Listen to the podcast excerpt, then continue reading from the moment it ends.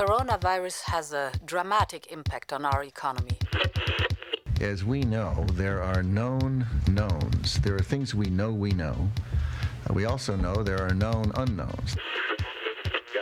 Build back better, bla bla bla. Green economy, bla bla bla. In diesem Sinne kann ich sagen, ja, äh, wir sollten alle Feministen sein. This footage from Al Jazeera purporting to show Taliban fighters inside the presidential palace declaring the Islamic Emirate of Afghanistan.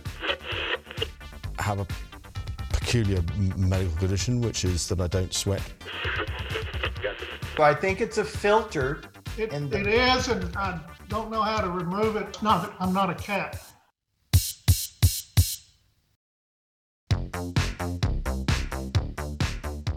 Þú ert að hlusta á heimskviður Í heimskviðum er fjallað um það sem gerist ekki á Íslandi. Ég heiti Birta Bjöstóttir. og ég heiti Guðmundur Björn Þorbjörnsson.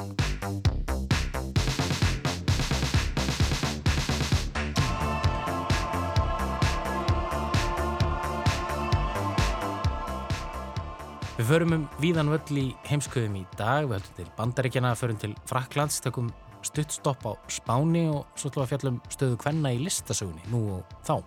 Og hvað ætlum við að gera í Fraklandi? Við ætlum að fjalla um mál frönsku fótboltakonunar Keiru Hamraoui en hún var fyrir fólkskuleiri líkamsárás á dögurum. Fjölmiðlar eitra þeir gerða því skona að árásinn væri runnin undan revjum liðsfélaga hennar en nú verist sem svo sé ekki. Og þrátt fyrir að já, frétta flutningur af hvenna knaspinu hafi skána til mun á síðustu árum þá segir þetta mál okkur svona svolítið um já, á hvaða stað umræðan er ennþá. Og já, talað um konur, þú ætlar að segja okkur frá stöðu hvenna í listheiminum, ekki satt? Jú, þetta er svona ákveðið þema í þættinum, alveg óvart. En staðrendin er svo að eldri málverk eftir konur seljast núna betur og fyrir talsveit hærra verð en nokkur sinni fyrr. Þessar breytingar gerast þó mjög hægt og það munar enn umtalsverði á vermiðunum á þá listaverkum eftir konum annars vegar sem miða við listaverk eftir Karla. Ég ræði við Ólöfu Kristínu Sigurðardóttur, hún er fórstuðum að listasafn Reykjavíkur. Það hefur verið síðar í þættinum, en við ætlum að byrja í bandaríkunum. Hver hefur raunverulega völdin í kvítahúsinu? Þó að Joe Biden sé fórseti hefur einn af flokks bræðurum hans í öldungadeildinni, Joe Manchin, verið ötull við að nýta sér þann nauma meiri hluta sem demokrátar hafa þar til að knýja fram ýmsar breytingar á málum sem fórsetin hefur lagt fyrir þingið og jafnvel stoppa þau. Eitt af þeim eru miklar umbætur í loftslagsmálum sem núna verðast stranda á Manchin og gefið hefur verið í skín að skýringuna sé að leita í hagsmunum hans sjálfs. Hallgrímur Indriðarsson tekur nú við. Joe Biden, fórseti bandaríkjana, reynir nú allt sem hann getur til að koma í gegn rótæku lagafrumarfi. Það sem leggja á hátt í 2000 miljardar bandaríkjadala, reyflega 250.000 miljardar íslenskara króna, það eru sem sagt 12-0 í þessari tölu, í ímiskonar félagslegar umbætur. Þetta frumvarp sem Biden leggur gríðarlega áherslu á er hins vegar í gíslingu eins flokksbróður hans sem er á móti frumvarpinu. Atkvæði þessa þingmanns er nöðsynlegt til þess að frumvarpið ná í gegn og þegar þessi orð eru töluð býða menn milli vonar og óta eftir því hvaða afstöðu þessi tiltekni þingmaður tekur. Hvað hann gerir ræður úslitum um hvort málið fari í gegn eða ekki. Förum aðeins betur yfir umbæturnar efnislega á eftir. Eins og hlustendur sem hafa á annað borð áhuga á bandarískum stjórnmálum vita, þá enduðu þínkostningarnar sem fóru fram samhliða fósettakostningunum fyrir ári, fyrir utan aukakostningar sem fóru fram í tveimur ríkjum í janúar, þannig að demokrater og republikanar fengu jafn marga þingmenn. And that uh, leads to the projection that Democrats will regain control of the U.S. Senate. It'll be a 50 50 split. Uh, Vice President Kamala Harris, Vice President elect, uh, as Vice President, will have the tying, uh, the uh, tie breaking vote. So that just breaking here a few moments ago. En varafósettin Kamala Harris er með 8 atkvæði og demokrater því í raun með eins manns meiri hluta í þinginu. Það þýðir auðvitað að til að koma málum í gegnum þingið þurfa allir demokrater að samþykja þau, að því gefnu að republikanar greiði atkvæði gegn þeim. Því þarf aðeins einn þingmann demokrata til að vera á öndverðu meiði við félaga sína til að setja allt í uppnám og jafnvel taka sér tölvert vald um hvernig mál enda. Og demokrater hafa sannlega fengið að finna fyrir því. Einn öldungadeilda þingmanna þeirra, Joe Manchin, hefur nýtt sér þetta nokkuð reglulega það sem afer kjörtímabilsins. West Virginians are proud, tough and determined. We're hardworking people, trying to live good lives with dignity. If we can create more opportunity here, more of our young people will stay to raise their families too. Í grein í Guardian í mars er meira að segja gengið svo langt að segja að þó að Joe Biden sé í kvítahúsinu sé það í raun Joe Manchin sem stjórni fósitaðanbættinu. Afstæða hans varð meðal annars til þess að draga úr umfangi ríkistuðnings vegna heimsfaraldursins. Biden hafðið lofað þeim sem voru gjaldgengir í þá aðstóð 2000 dólarum í peningum. En vegna þess að Manchin þótti þetta of mikið endaði upphæðin í 1400 dólarum. Ásamt því að þeim sem uppfylltu skilirðin fyrir slíkri aðstóð fækkaði um 17 miljónir frá því sem áætlað var. Þetta er aðeins lítið dæmi um áhrifin sem hann hefur. But we didn't know because of other factors involved. There were people making 250 and 300,000 dollars receiving checks. Okay. And Democrats and Republicans start saying that was not our intent at all. So en það sem hefur verið enn meira í sviðsljósinu er afstæða hans til umbóta í lofslagsmálum sem er ekki síður eitur í beinum Joe Biden. Þegar Biden tók við sem fósetti bandaríkjana gaf hann út afar metnaðarfull markmið í lofslagsmálum. The United States sets out on the road to cut greenhouse gases in half, in half by the end of this decade. That's where we're headed as a nation. Eitt þeirra var að minka losun gróðurhúsaloftegunda um 50-52% miða við 2005. Einaf leðanum til þess er að auka ramagsframlegslu með endurníjanlegum orkugjöfum á kostnað kóla og ólíu.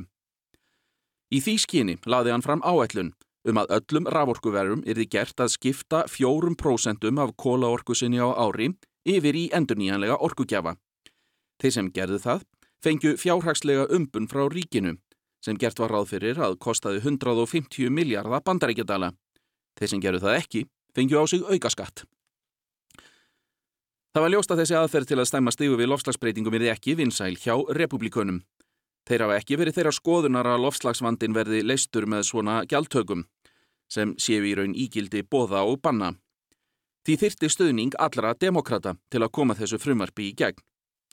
Um miðjan oktober lág fyrir að framangreindur Joe Manchin, þingmaður demokrata í vestur Virginíu, myndi ekki stiðja þessa leið. Manchin raukstuði afstöðu sína þannig að hann væri meira en til í að fjárfesta í enduníjanlegum orkugjöfum, en samhliða því ætti líka að rannsaka hvernig hægt væri að gera jarðefnaelsneiti að hreitni orkugjöfum, sem sagt nýsköpun en ekki útrýming eins og hann orðaði það sjálfur. Orkuframleðendur megi ekki missa þá niðurgreðslu sem þeir njóti. Hann saði einnig að það gengi ekki að nota skattkerfið til að setja fyrirtæki á hausin. Þá séu orkuskipti þegar hafinn hjá orkufyrirtækjum og því engin ástæða til að vera að borga fyrirtækjum fyrir að gera það sem þau séu nú þegar að gera. The transition's happening. Mm -hmm. And that clean energy standard, they must spend billions of dollars to have utilities do what they're already doing. Makes no sense to me to pay a utility to do what they're going to do anyway. Þeir sem til þekkja segja hinsegar að orkuskiptin þurfi að gerast mun hraðar en núna og til þess þurfi efnahagslega kvata. Á þessum tímapunkti voru aðeins tvær vikur í lofslagsrástefnuna í Glasgow Joe Biden hafði vonast til að þetta frumvarp hefði náð brautargengi fyrir ráðstefnuna. Þannig að hann væri með gott tromp á hendi til að sína að bandaríkjaman væru að leggja sitt af mörgum í baróttunni við lofslagsbreytingar. Þeir demokrater sem lengst vildu ganga í aðgerðum voru meira segja á því að þarna væri baróttan eiginlega töpuð. Markmiðið um 50% minni losun myndi ekki nást, fyrst þetta náðist ekki gegn. Vandi Biden Fólks líka í því að hann gati ekki teikt sig of langt til að þóknast mannsinn. Þá myndi hann missa stuðning þeirra þingmanna í eigin flokki sem vildu ganga lengst. Starsmenn kvítahúsins settust í niður til að reyna að finna aðræðið sem myndi draga jafn hratt úr losun. Úr þessu kom svo rammi um áætlun sem hefur verið í þróun meira og minna frá því Joe Biden tók við fósettaðanbættinu. Also have to invest in our people. That's what my second bill, the Build Back Better plan does og kallast á ensku Build Back Better eða Endur byggjum betur. Í henni er að finna ímiskonar félagslegar umbætur til að mynda í leikskólamálum, helbreyðismálum og leiðir til að gefa þeim tekjulegri kosta á ódýru húsnæði og mentun, svo eitthvað sé nefnt. En lofslagsmálinn koma það líka við sögu. Í tilkynningu frá kvítahúsinu var talað um þetta sem metnaðarfylstu atluguna gegn lofslagsbreytingum í sögu bandaríkjana. Í þessu fólst meðal annars ívilnanir til millistjættarinnar fyrir að skipta yfir í umhverfisvæna orku, auka umhverfisvæna orkuframleiðslu eins og vind- og sólarorku sem og framleiðslu á ramagsbílum. Þá átti að setja fjármagn í rafvæðingu hafna og vistvænar almenningssamgöngur.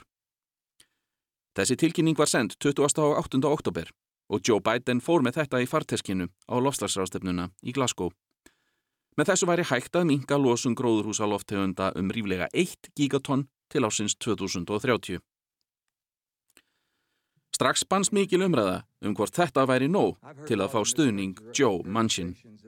Hann svaraði því með því að bóða óvænt til bladamannafundar 1. november. I would like to make an attempt to clear up any confusion about where I stand on the legislation that's working its way through Congress. Ég er tilbúin að styðja frumvarp sem hjálpar landinu okkar að stíga skref fram á við. En ég er alveg jafn tilbúin að greiða atkvæði gegn frumvarpi sem skadar landið, segir Manchin. Simply put, I will not support a bill that is this consequential without thoroughly understanding the impact that it'll have on our national debt, our economy, and most importantly, all of our American people. Og hann sagði að hann væri ekki tilbúin til að styðja þessa tillögu fyrir það lægi ljóst fyrir hvaða áhrif hún hefði á bandarískan efnahag og skuldir ríkisins. Þess ber að geta að í tilkynningunni frá kvítahúsinu var fullirt að áætlunin væri full fjármögnuð og myndi draga úr hallarekstri ríkisins. Mannsinn var greinilega ekki alveg tilbúin að kók gleipa þá fullirningu. Áður en lengra er haldið þarf að skoða bakgrunn mannsinn, hvaðan hann kemur og úr hvaða umhverfi hann sprettur, sem ræður að margra mati afstöðu hans til framangreindra mála.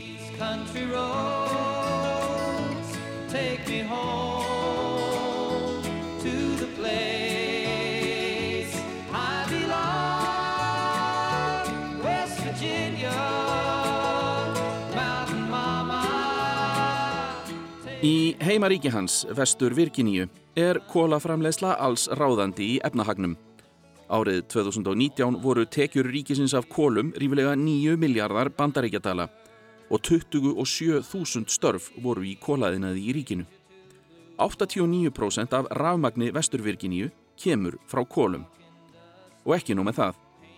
Mannsinn stopnaði sjálfur kólasölu fyrirtæki fyrir rúmum 30 árum á samt bræðrum sínum og sonur hans vinnur við rekstur þess núna. Mannsinn fekk sjálfur hálfa miljón dollara í tekjur af eigin fjárfestingum í orkuðinaði á síðasta ári. Engin öldungadelda þingmaður græðir því meira persónulega á kólaðinaðinum en mannsinn.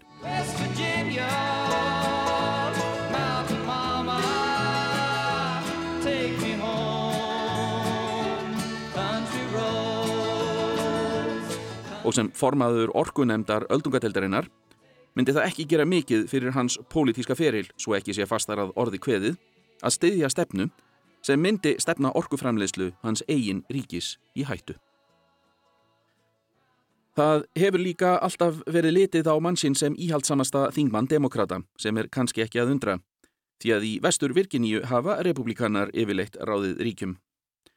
Mannsinn hefur meira að segja látið hafa eftir sér að daglega sé honum bóðið að ganga til liðs við republikana.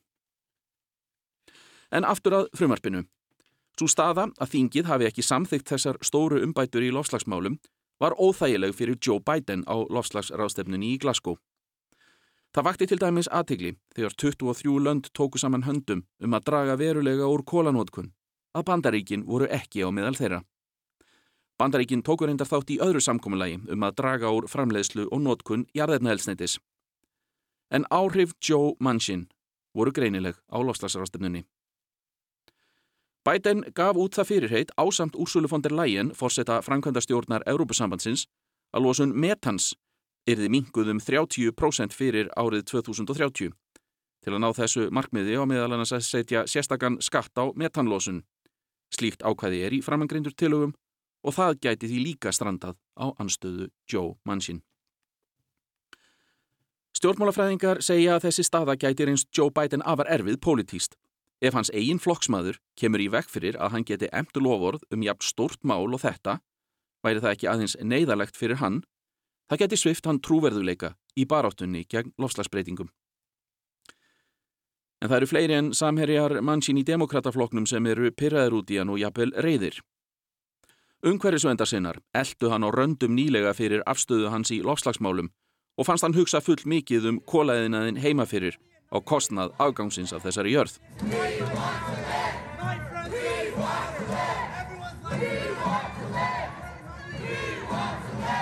Við viljum lifa, própuðu þeir ítrekkað að mannsinn. Joe Biden fær líka sinn skerf af gaggríni fyrir hvernig hann hefur tekið á málunum. Ungverðisvendarsinnum þykir hann hafa verið allt of linur við mannsinn og hann beiti ekki þeim meðölum sem hann gæti beitt til þess að annarkvort þvinga hann til samstarfs eða hreinlega bóla honum út. Síðast þegar fréttist var framangreint frumvarp líklegt til að fara í gegnum fulltrúadeildina En hvenar það verður tekið fyrir í öldungadeildinni er óljóst, þó líklega ekki fyrir en eftir þinglið yfir þakkagjörðarháttíðina sem er í lok þessa mánadar. Manchin hefur enn ekkert gefið upp um afstöðu sína, segist vilja býða eftir útreikningum um áhrif á efnahægin. Það verðist vera sem Joe Manchin muni hafa líf þessa lagafrumvarps í hendi sér, eins og svo margt annað það sem af er þessu kjörtimabili. Og eins og staðan er núna, virðast demokrater litlu geta komið áleiðis ef þeir hafa ekki stuðning Joes Manchin.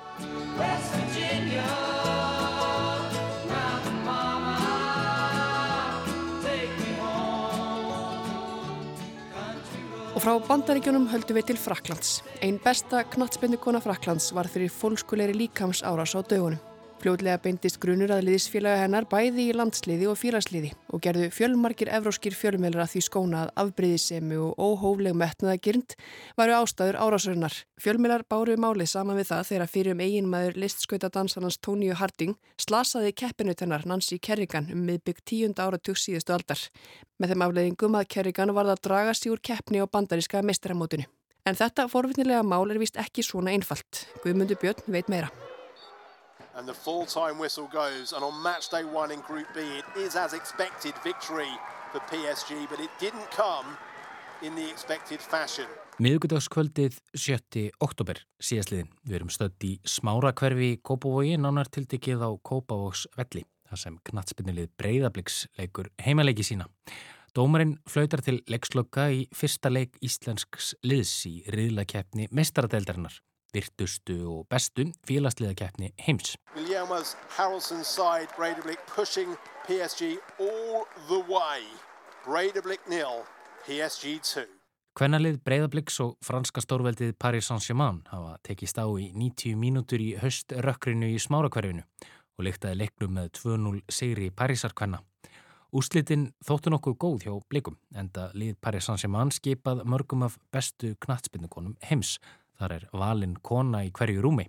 Þegar liðin ganga af velli sést hverjinn þrítuga Keira Hamraoui sem gekk nýlega til liðs við Parísarliði frá Evrópumesturum Barcelona og framherrin Katidatu Diani ræða saman á leiðsinni til búningsklefa. Við hlið þeirra gengur miðjumadurinn Aminata Diallo, alvöru gefin á svip og ekki að sjá að hún hafi verið að vinna fótballtaleik. Kanski var henni bara kallt, það getur jú verið vindasamt þarna rétt sunnan við kópáksleikin og maður er nú helst ekki í stuttbuksum í oktober á Íslandi. En kannski var eitthvað annað af ángrana. Kannski var það Keira Hamraoui, félagi hennar á miðjunni í PSG og í franska landsliðinu. Þessar tvær frábæru knaspinnukonur komast nefnilega í heimsfrettinnar mánuði síðar fyrir eitthvað allt, allt annað en fótbolta.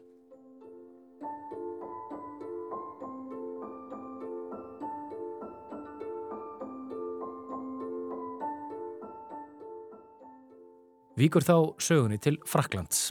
Þegar réttæpur mánuður var liðin frá leik Blika og Paris Saint-Germain í Kópavogi bauð yfirstjórn Parísarliðsins leikmönnum að snæða með sér kvöldverði í útjæðri Parísarborgar. Þetta var 50. kvöldið 4. november. Parísarliðið er sem fyrir segir eitt að besta í heimi og hefur notið góðs af ólíupenningum úr östri en eigandi liðsins er fjárfestingasjóður Katar og því má ætla að þetta hefur verið heljarinnar veistla. Félagið var keift árið 2011 og þótt Karlaliðið hafi fengið mest aðteglina og mestu fjármunina, nú síðast gekk sjálfur Lionel Messi til liðs við PSG, þá hefur hvernaliðið líka notið góðsa því og laða til sín marga af bestu leikmunum heims. Meira að segja handbóltalið PSG er eitt af besta í heimi. En gott og vel, 50. kvöldið 4. november átt fólk, drakk og var glatt og hjælt svo heimáleið.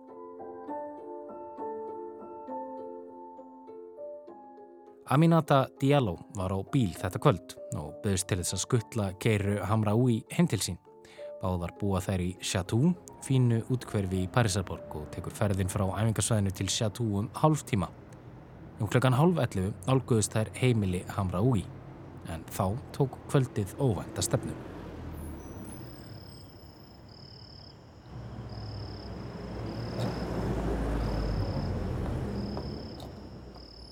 Úr myrkrinu byrtast skindilega tveir grímuklættir menn. Þeir stöfða bílinn, draga Hamra Úi og Diallo út úr honum og láta höggin dinja á þeirri fyrrnemdu með hjálpstöng. Þeir börðu hann ekki andlitið heldur lögðu að þér veriðist mesta áherslu á að skafa hennar helsta vinnutæki, fæturna.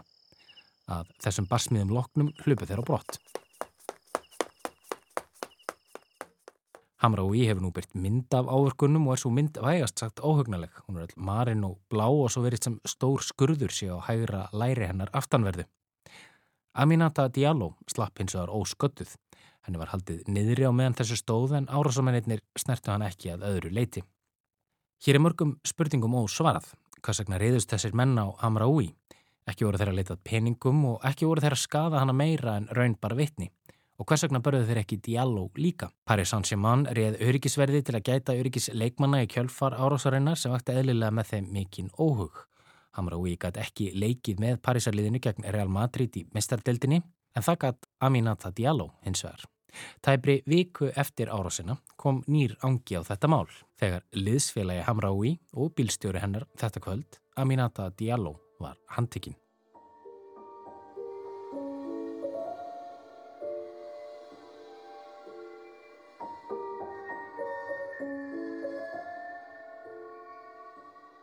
Kvennaknarsbyrna hefur verið á mikilli siglingu undanfærið og hefur frettaflutningur af henni aukist til muna á síðustu árum. En, og kannski því miður, hafa fáar frettir úr heimi kvennaknarsbyrnunar vakið jafnmikla antikli og svo sem greindi frá handtöku Aminatu Diallo og fór svo fregnað hún hefði verið handtekinn sem eldur í sinu um heimspressuna.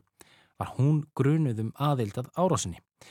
Hinnar ímsu kenningar fóru á kreik. Þær eru jú báðar miðjumenn og í baráttum miðju stöðuna, bæði í PSG og í franska landsliðinu. Hamra Úi er reynd landsliðskona og á Diallo enn langt í land með að komast með tærnar þar sem hún hefur hælana. Þó Diallo sé engin aukvissi sjálf og hafi leikið sjö landsleiki fyrir Frakland.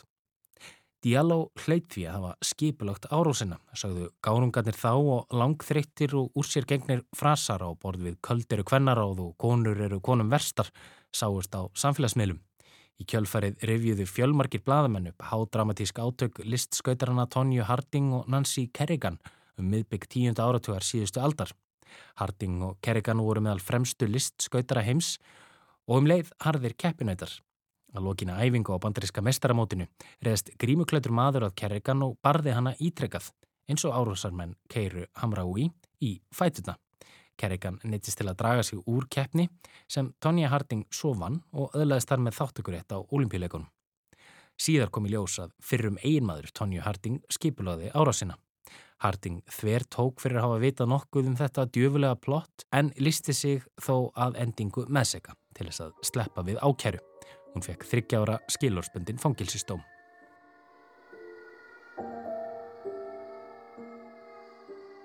Var Aminata Diallo hér að feta í fótspór Tonju Harding? Lagði hún á ráðinum að slasa liðsfélagsinn svo að hún sjálf myndi hagnast á því? Nei, það var næfnileg ekki þannig. Aminatu Diallo var svo sleft úr haldi lauruglu skömmu síðar og engin ákjara lögð fram. Býtunum við, þetta var þá eftir allt saman ekki brjálæðislegt aðbreyðsimiskast Aminatu Diallo eins og svo margir fjölmiðlar hafði gert skona. Eftir að Diallo var látin laus úr haldi gaf Paris Saint-Germain út yfirlýsingu þess efnis að félagið stæði þéttu við bakið á öllum leikmunum sínum og myndi gera allt til þess að liðsmenn PSG kemist saman og klakklust í gegnum þessa erfiði tíma. Diallo gaf svo sjálf út yfirlýsingu þar sem hún fordæmdi fréttaflutning af málinu og sagaði fjölmiðla um að búa til rík á milli hennar og Hamra Úi, rík sem væri ekki til staðar. En hvað þá? Hvað útskýrir þessa fólkskulega árás sem hefði getað stór skadað eina fremstu knatsbyrnu konu Fraklands? En til að svara því þurfum við að fara til Spánar. Áður en Geira Hamraoui gekk til liðs við Parísarkonur í sumar hafði hún leikið við góðan orðstýr í Barcelona síðastliðin þrjú ár. Þar vann hún spænsku deildina, spænska byggarinn og eftirsótasta byggarinn af öllum, mestaradeild Evrópu. Í Barcelona komst Hamraoui í kynni við Erik nokkur Abidal fyrir um leikmann Karlalis Barcelona.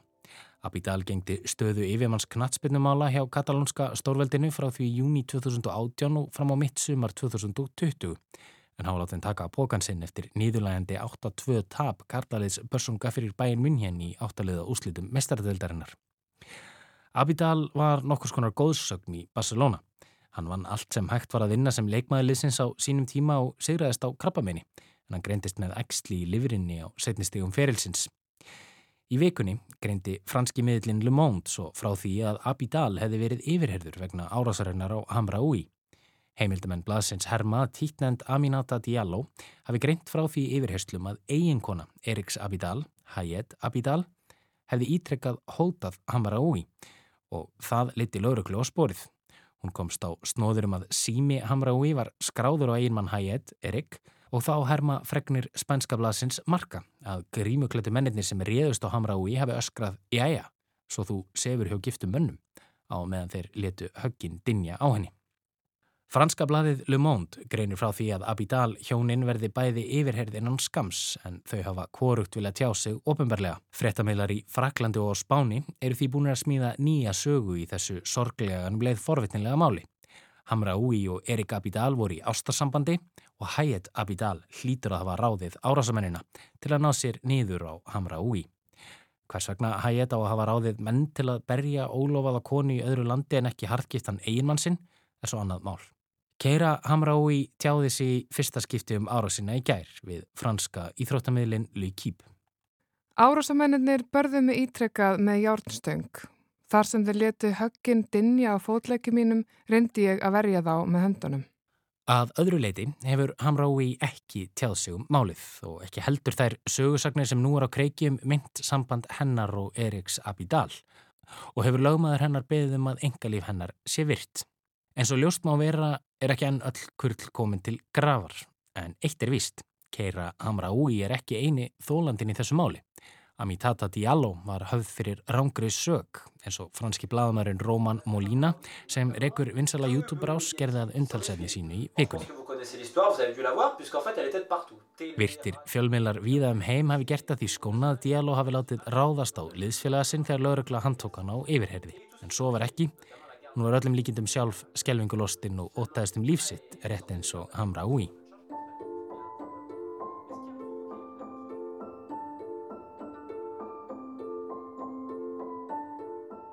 Keira Hamraoui er sem betur fyrir ekki alvarlega slösuð og getur vonandi snúið á fótbóltaföllin innan tíðar. Árásin er hefð undarlegasta mál í alla staði en það er verðt að velta því fyrir sér hvers vegna hún vakti jafnmikla aðtykli og raun bara vitni. Fyrst hlaut Diallo að hafa skipilagt árásina og svo hlaut það að vera Hayed Abidal. Æsingurinn í fréttamilum á Spáni og Fraklandi tengdist ég ekki endilega að hér hefði verið ráðist á heimsklassa fótballtakonu heldur var aðal sögulínan hádramatíst ósætti millir kvenna. Kvenna sem gera allt til að bregða fæti hver fyrir aðra og brugga köld ráð. Svo vísa sig miður lífseg orð Flossa Þórðarssonar á Svínafelli þegar hann vandar hildikunni frængu sinni starkaðardóttur ekki hveðirnar í njálu.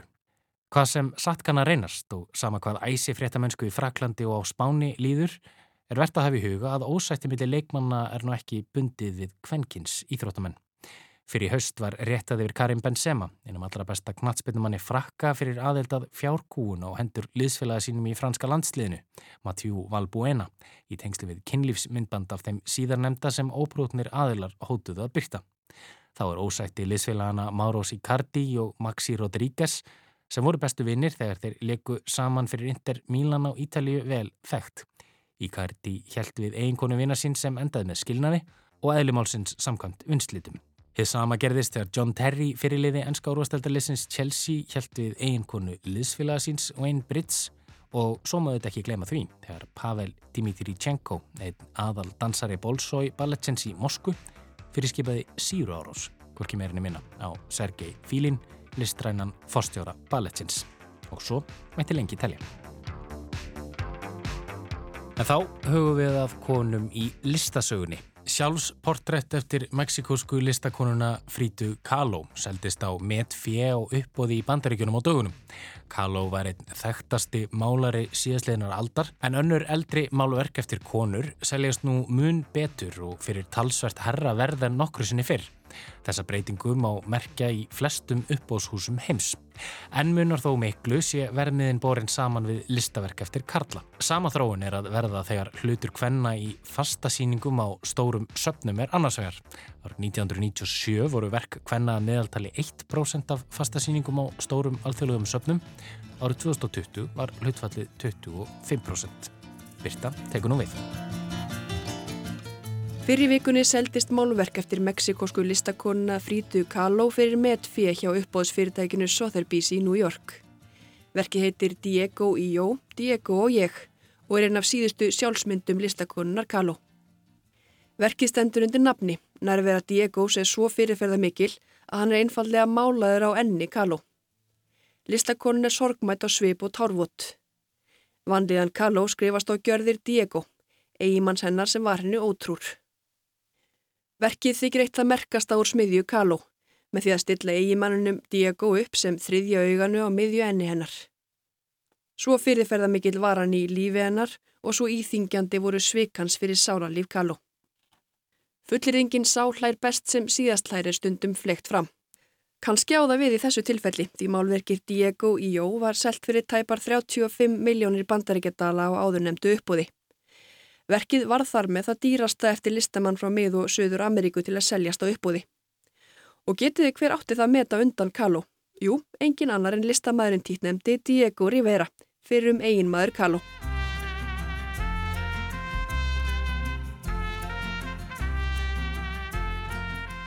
Þau kynntust þegar hún var 15 ára, hann 36 ára.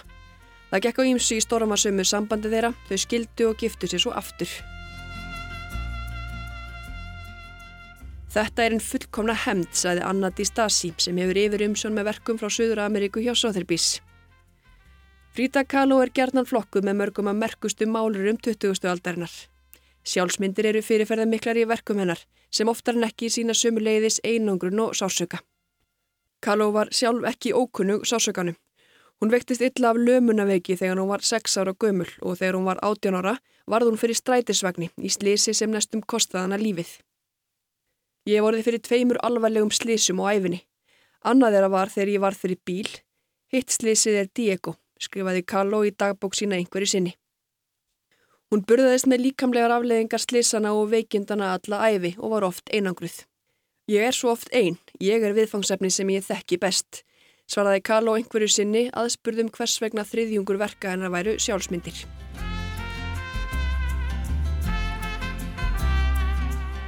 Frida Kahlo varð 47 ára og er sem fyrr segir eitt þekktasti málari síðastleginar aldar. Hún er því kannski ekki mjög gott dæmi í umfyllunarefni þessa pistils sem er svo staðrind að eldri málverk eftir konur seljast nú mun betur og fyrir talsveit hærra verð en nokkru sinni áður. Það er samt óneitarlega smá krytti í frásöguna hefjana á þessu meti sem verk Kahlo setti og kannski ekki endilega síður hver átti metið á undan henni. Þú svo verð á einstakka listakonum verk á einstakara listakonum hafi hækkað að þá er það samt sko stóru peningarnir það eru kallar. Þetta er Ólöf Kristín Sigurðardóttir, forstöðum aður listasaps Reykjavíkur. Dýrasta málverk sem var eins og síðast ári, það var verkefni Jeff Koons sem fór á 91 miljón dollara, eins og þú veist að það er Street Carlo sem að fer á 34 eða 5 miljónir dollara.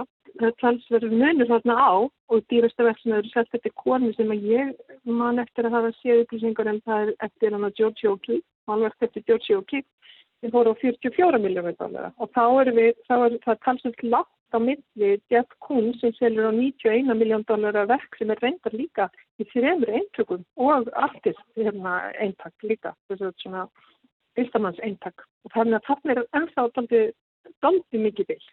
Þó svo að vissulega setja í hérna áferri leið að, að þessi munur sé að mikka. Stundum eru tilvílanir svo dásamlega skemmtilegar. Ég fekk ábendingu um að Ólöf Kristín væri kjörin viðmælandi fyrir þennan pistil. Þegar ég svo rætti við hana fyrir vikunni var hún stöð í Danmörku á ráðstefnu sem alveg óvart tengist talsvert umfyllunarefni dagsins. Ég, ég er hér á ráðstefnu sem heitir fast forvart og fjallar um stöðu hvenna í, eða fjallar um list hvenna frá hérna 1970 til samtímans. Og ég er nú út frá, svona, út frá feministkum rannsóknum og því hvernig, hvernig verk hvenna eru, eru, hvernig þeim er tekið, hvernig það eru svona inn í, inn í kanoninni.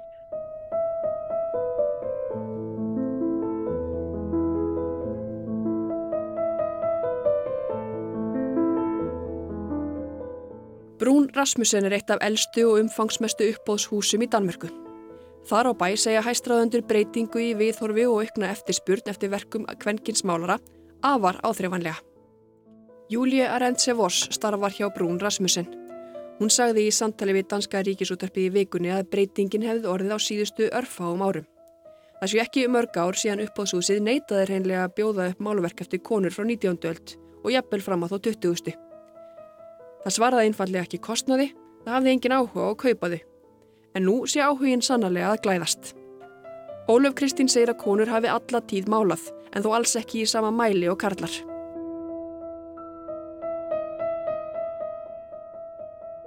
Það eru tilverk eftir konur frá öllum tímum, frá því að í rauninni listamæðurinn verður tektur sem nafngreindur einstaklingur en það, það eru bara sára, sára fáar í, á hverju tímafili fyrir sig. Það gerst ekki fyrir en sko mentum hvernig það verður almennari, alveg eins og bara í öllum öðrum fögum, að þá eiga konur meiri möguleika.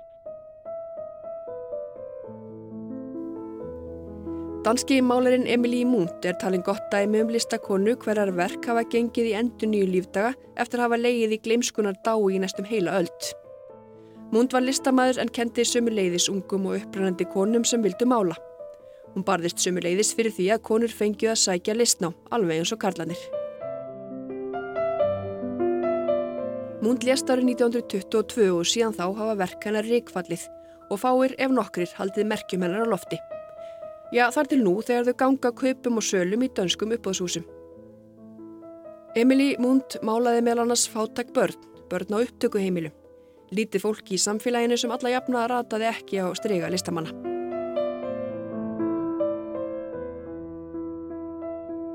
Konur sem máluði fyrr á tímum, þær voru oft, oft talað um að þær hafi leita meira í nærumkvæðu sitt heldur en í einhverja svona stóra viðburði eða, eða menningarsögulegar tengingar. Þetta er meira verið að endurspegla nærumkvæðu sitt og það er náttúrulega skapast bara stöðu hvernig sem einhvers sem er oft bara bundinu heimili.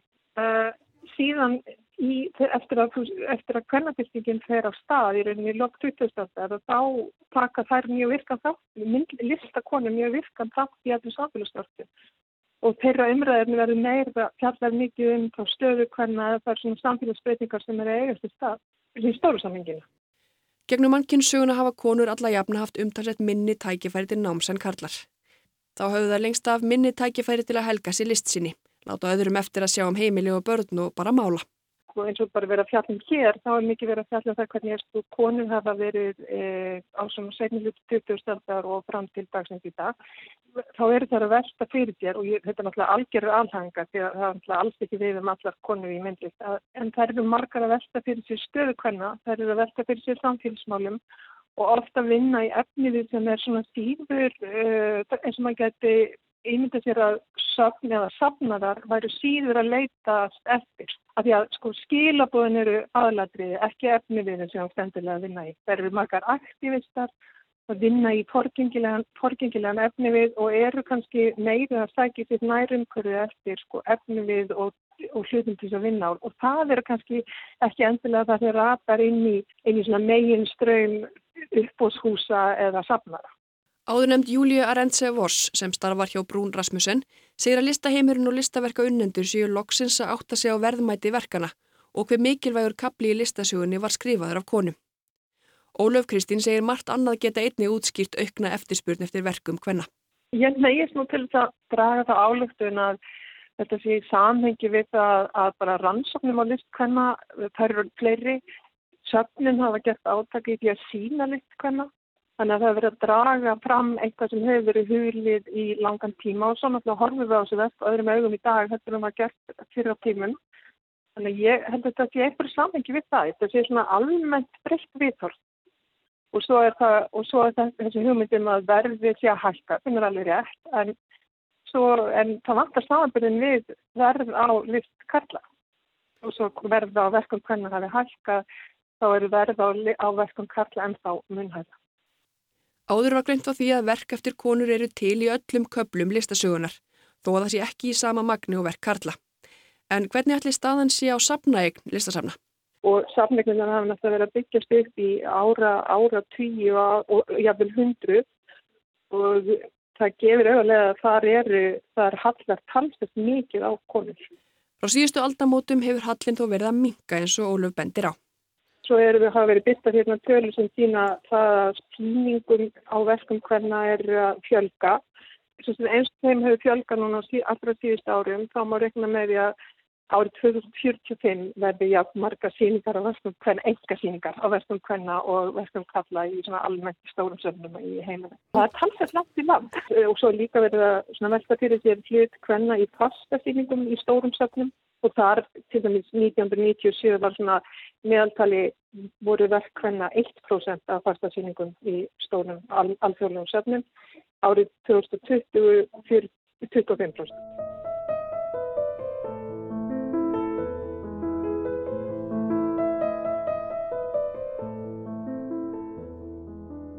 Og hver er þá niðurstöðan? Konur hafðu ekki svigurum nýja tækifæri til að mála lengst af þó nokkrar hafi á öllum tímabiljum listasögunar haft aðgangað pensli og strega.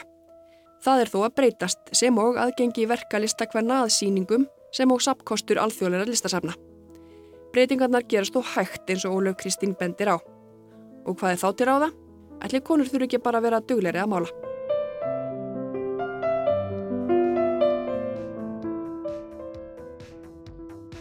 Heimskuður verð ekki fleiri þessa vikuna. Við verðum hér aftur á sama tíma í næstu viku. Takk fyrir að hlusta.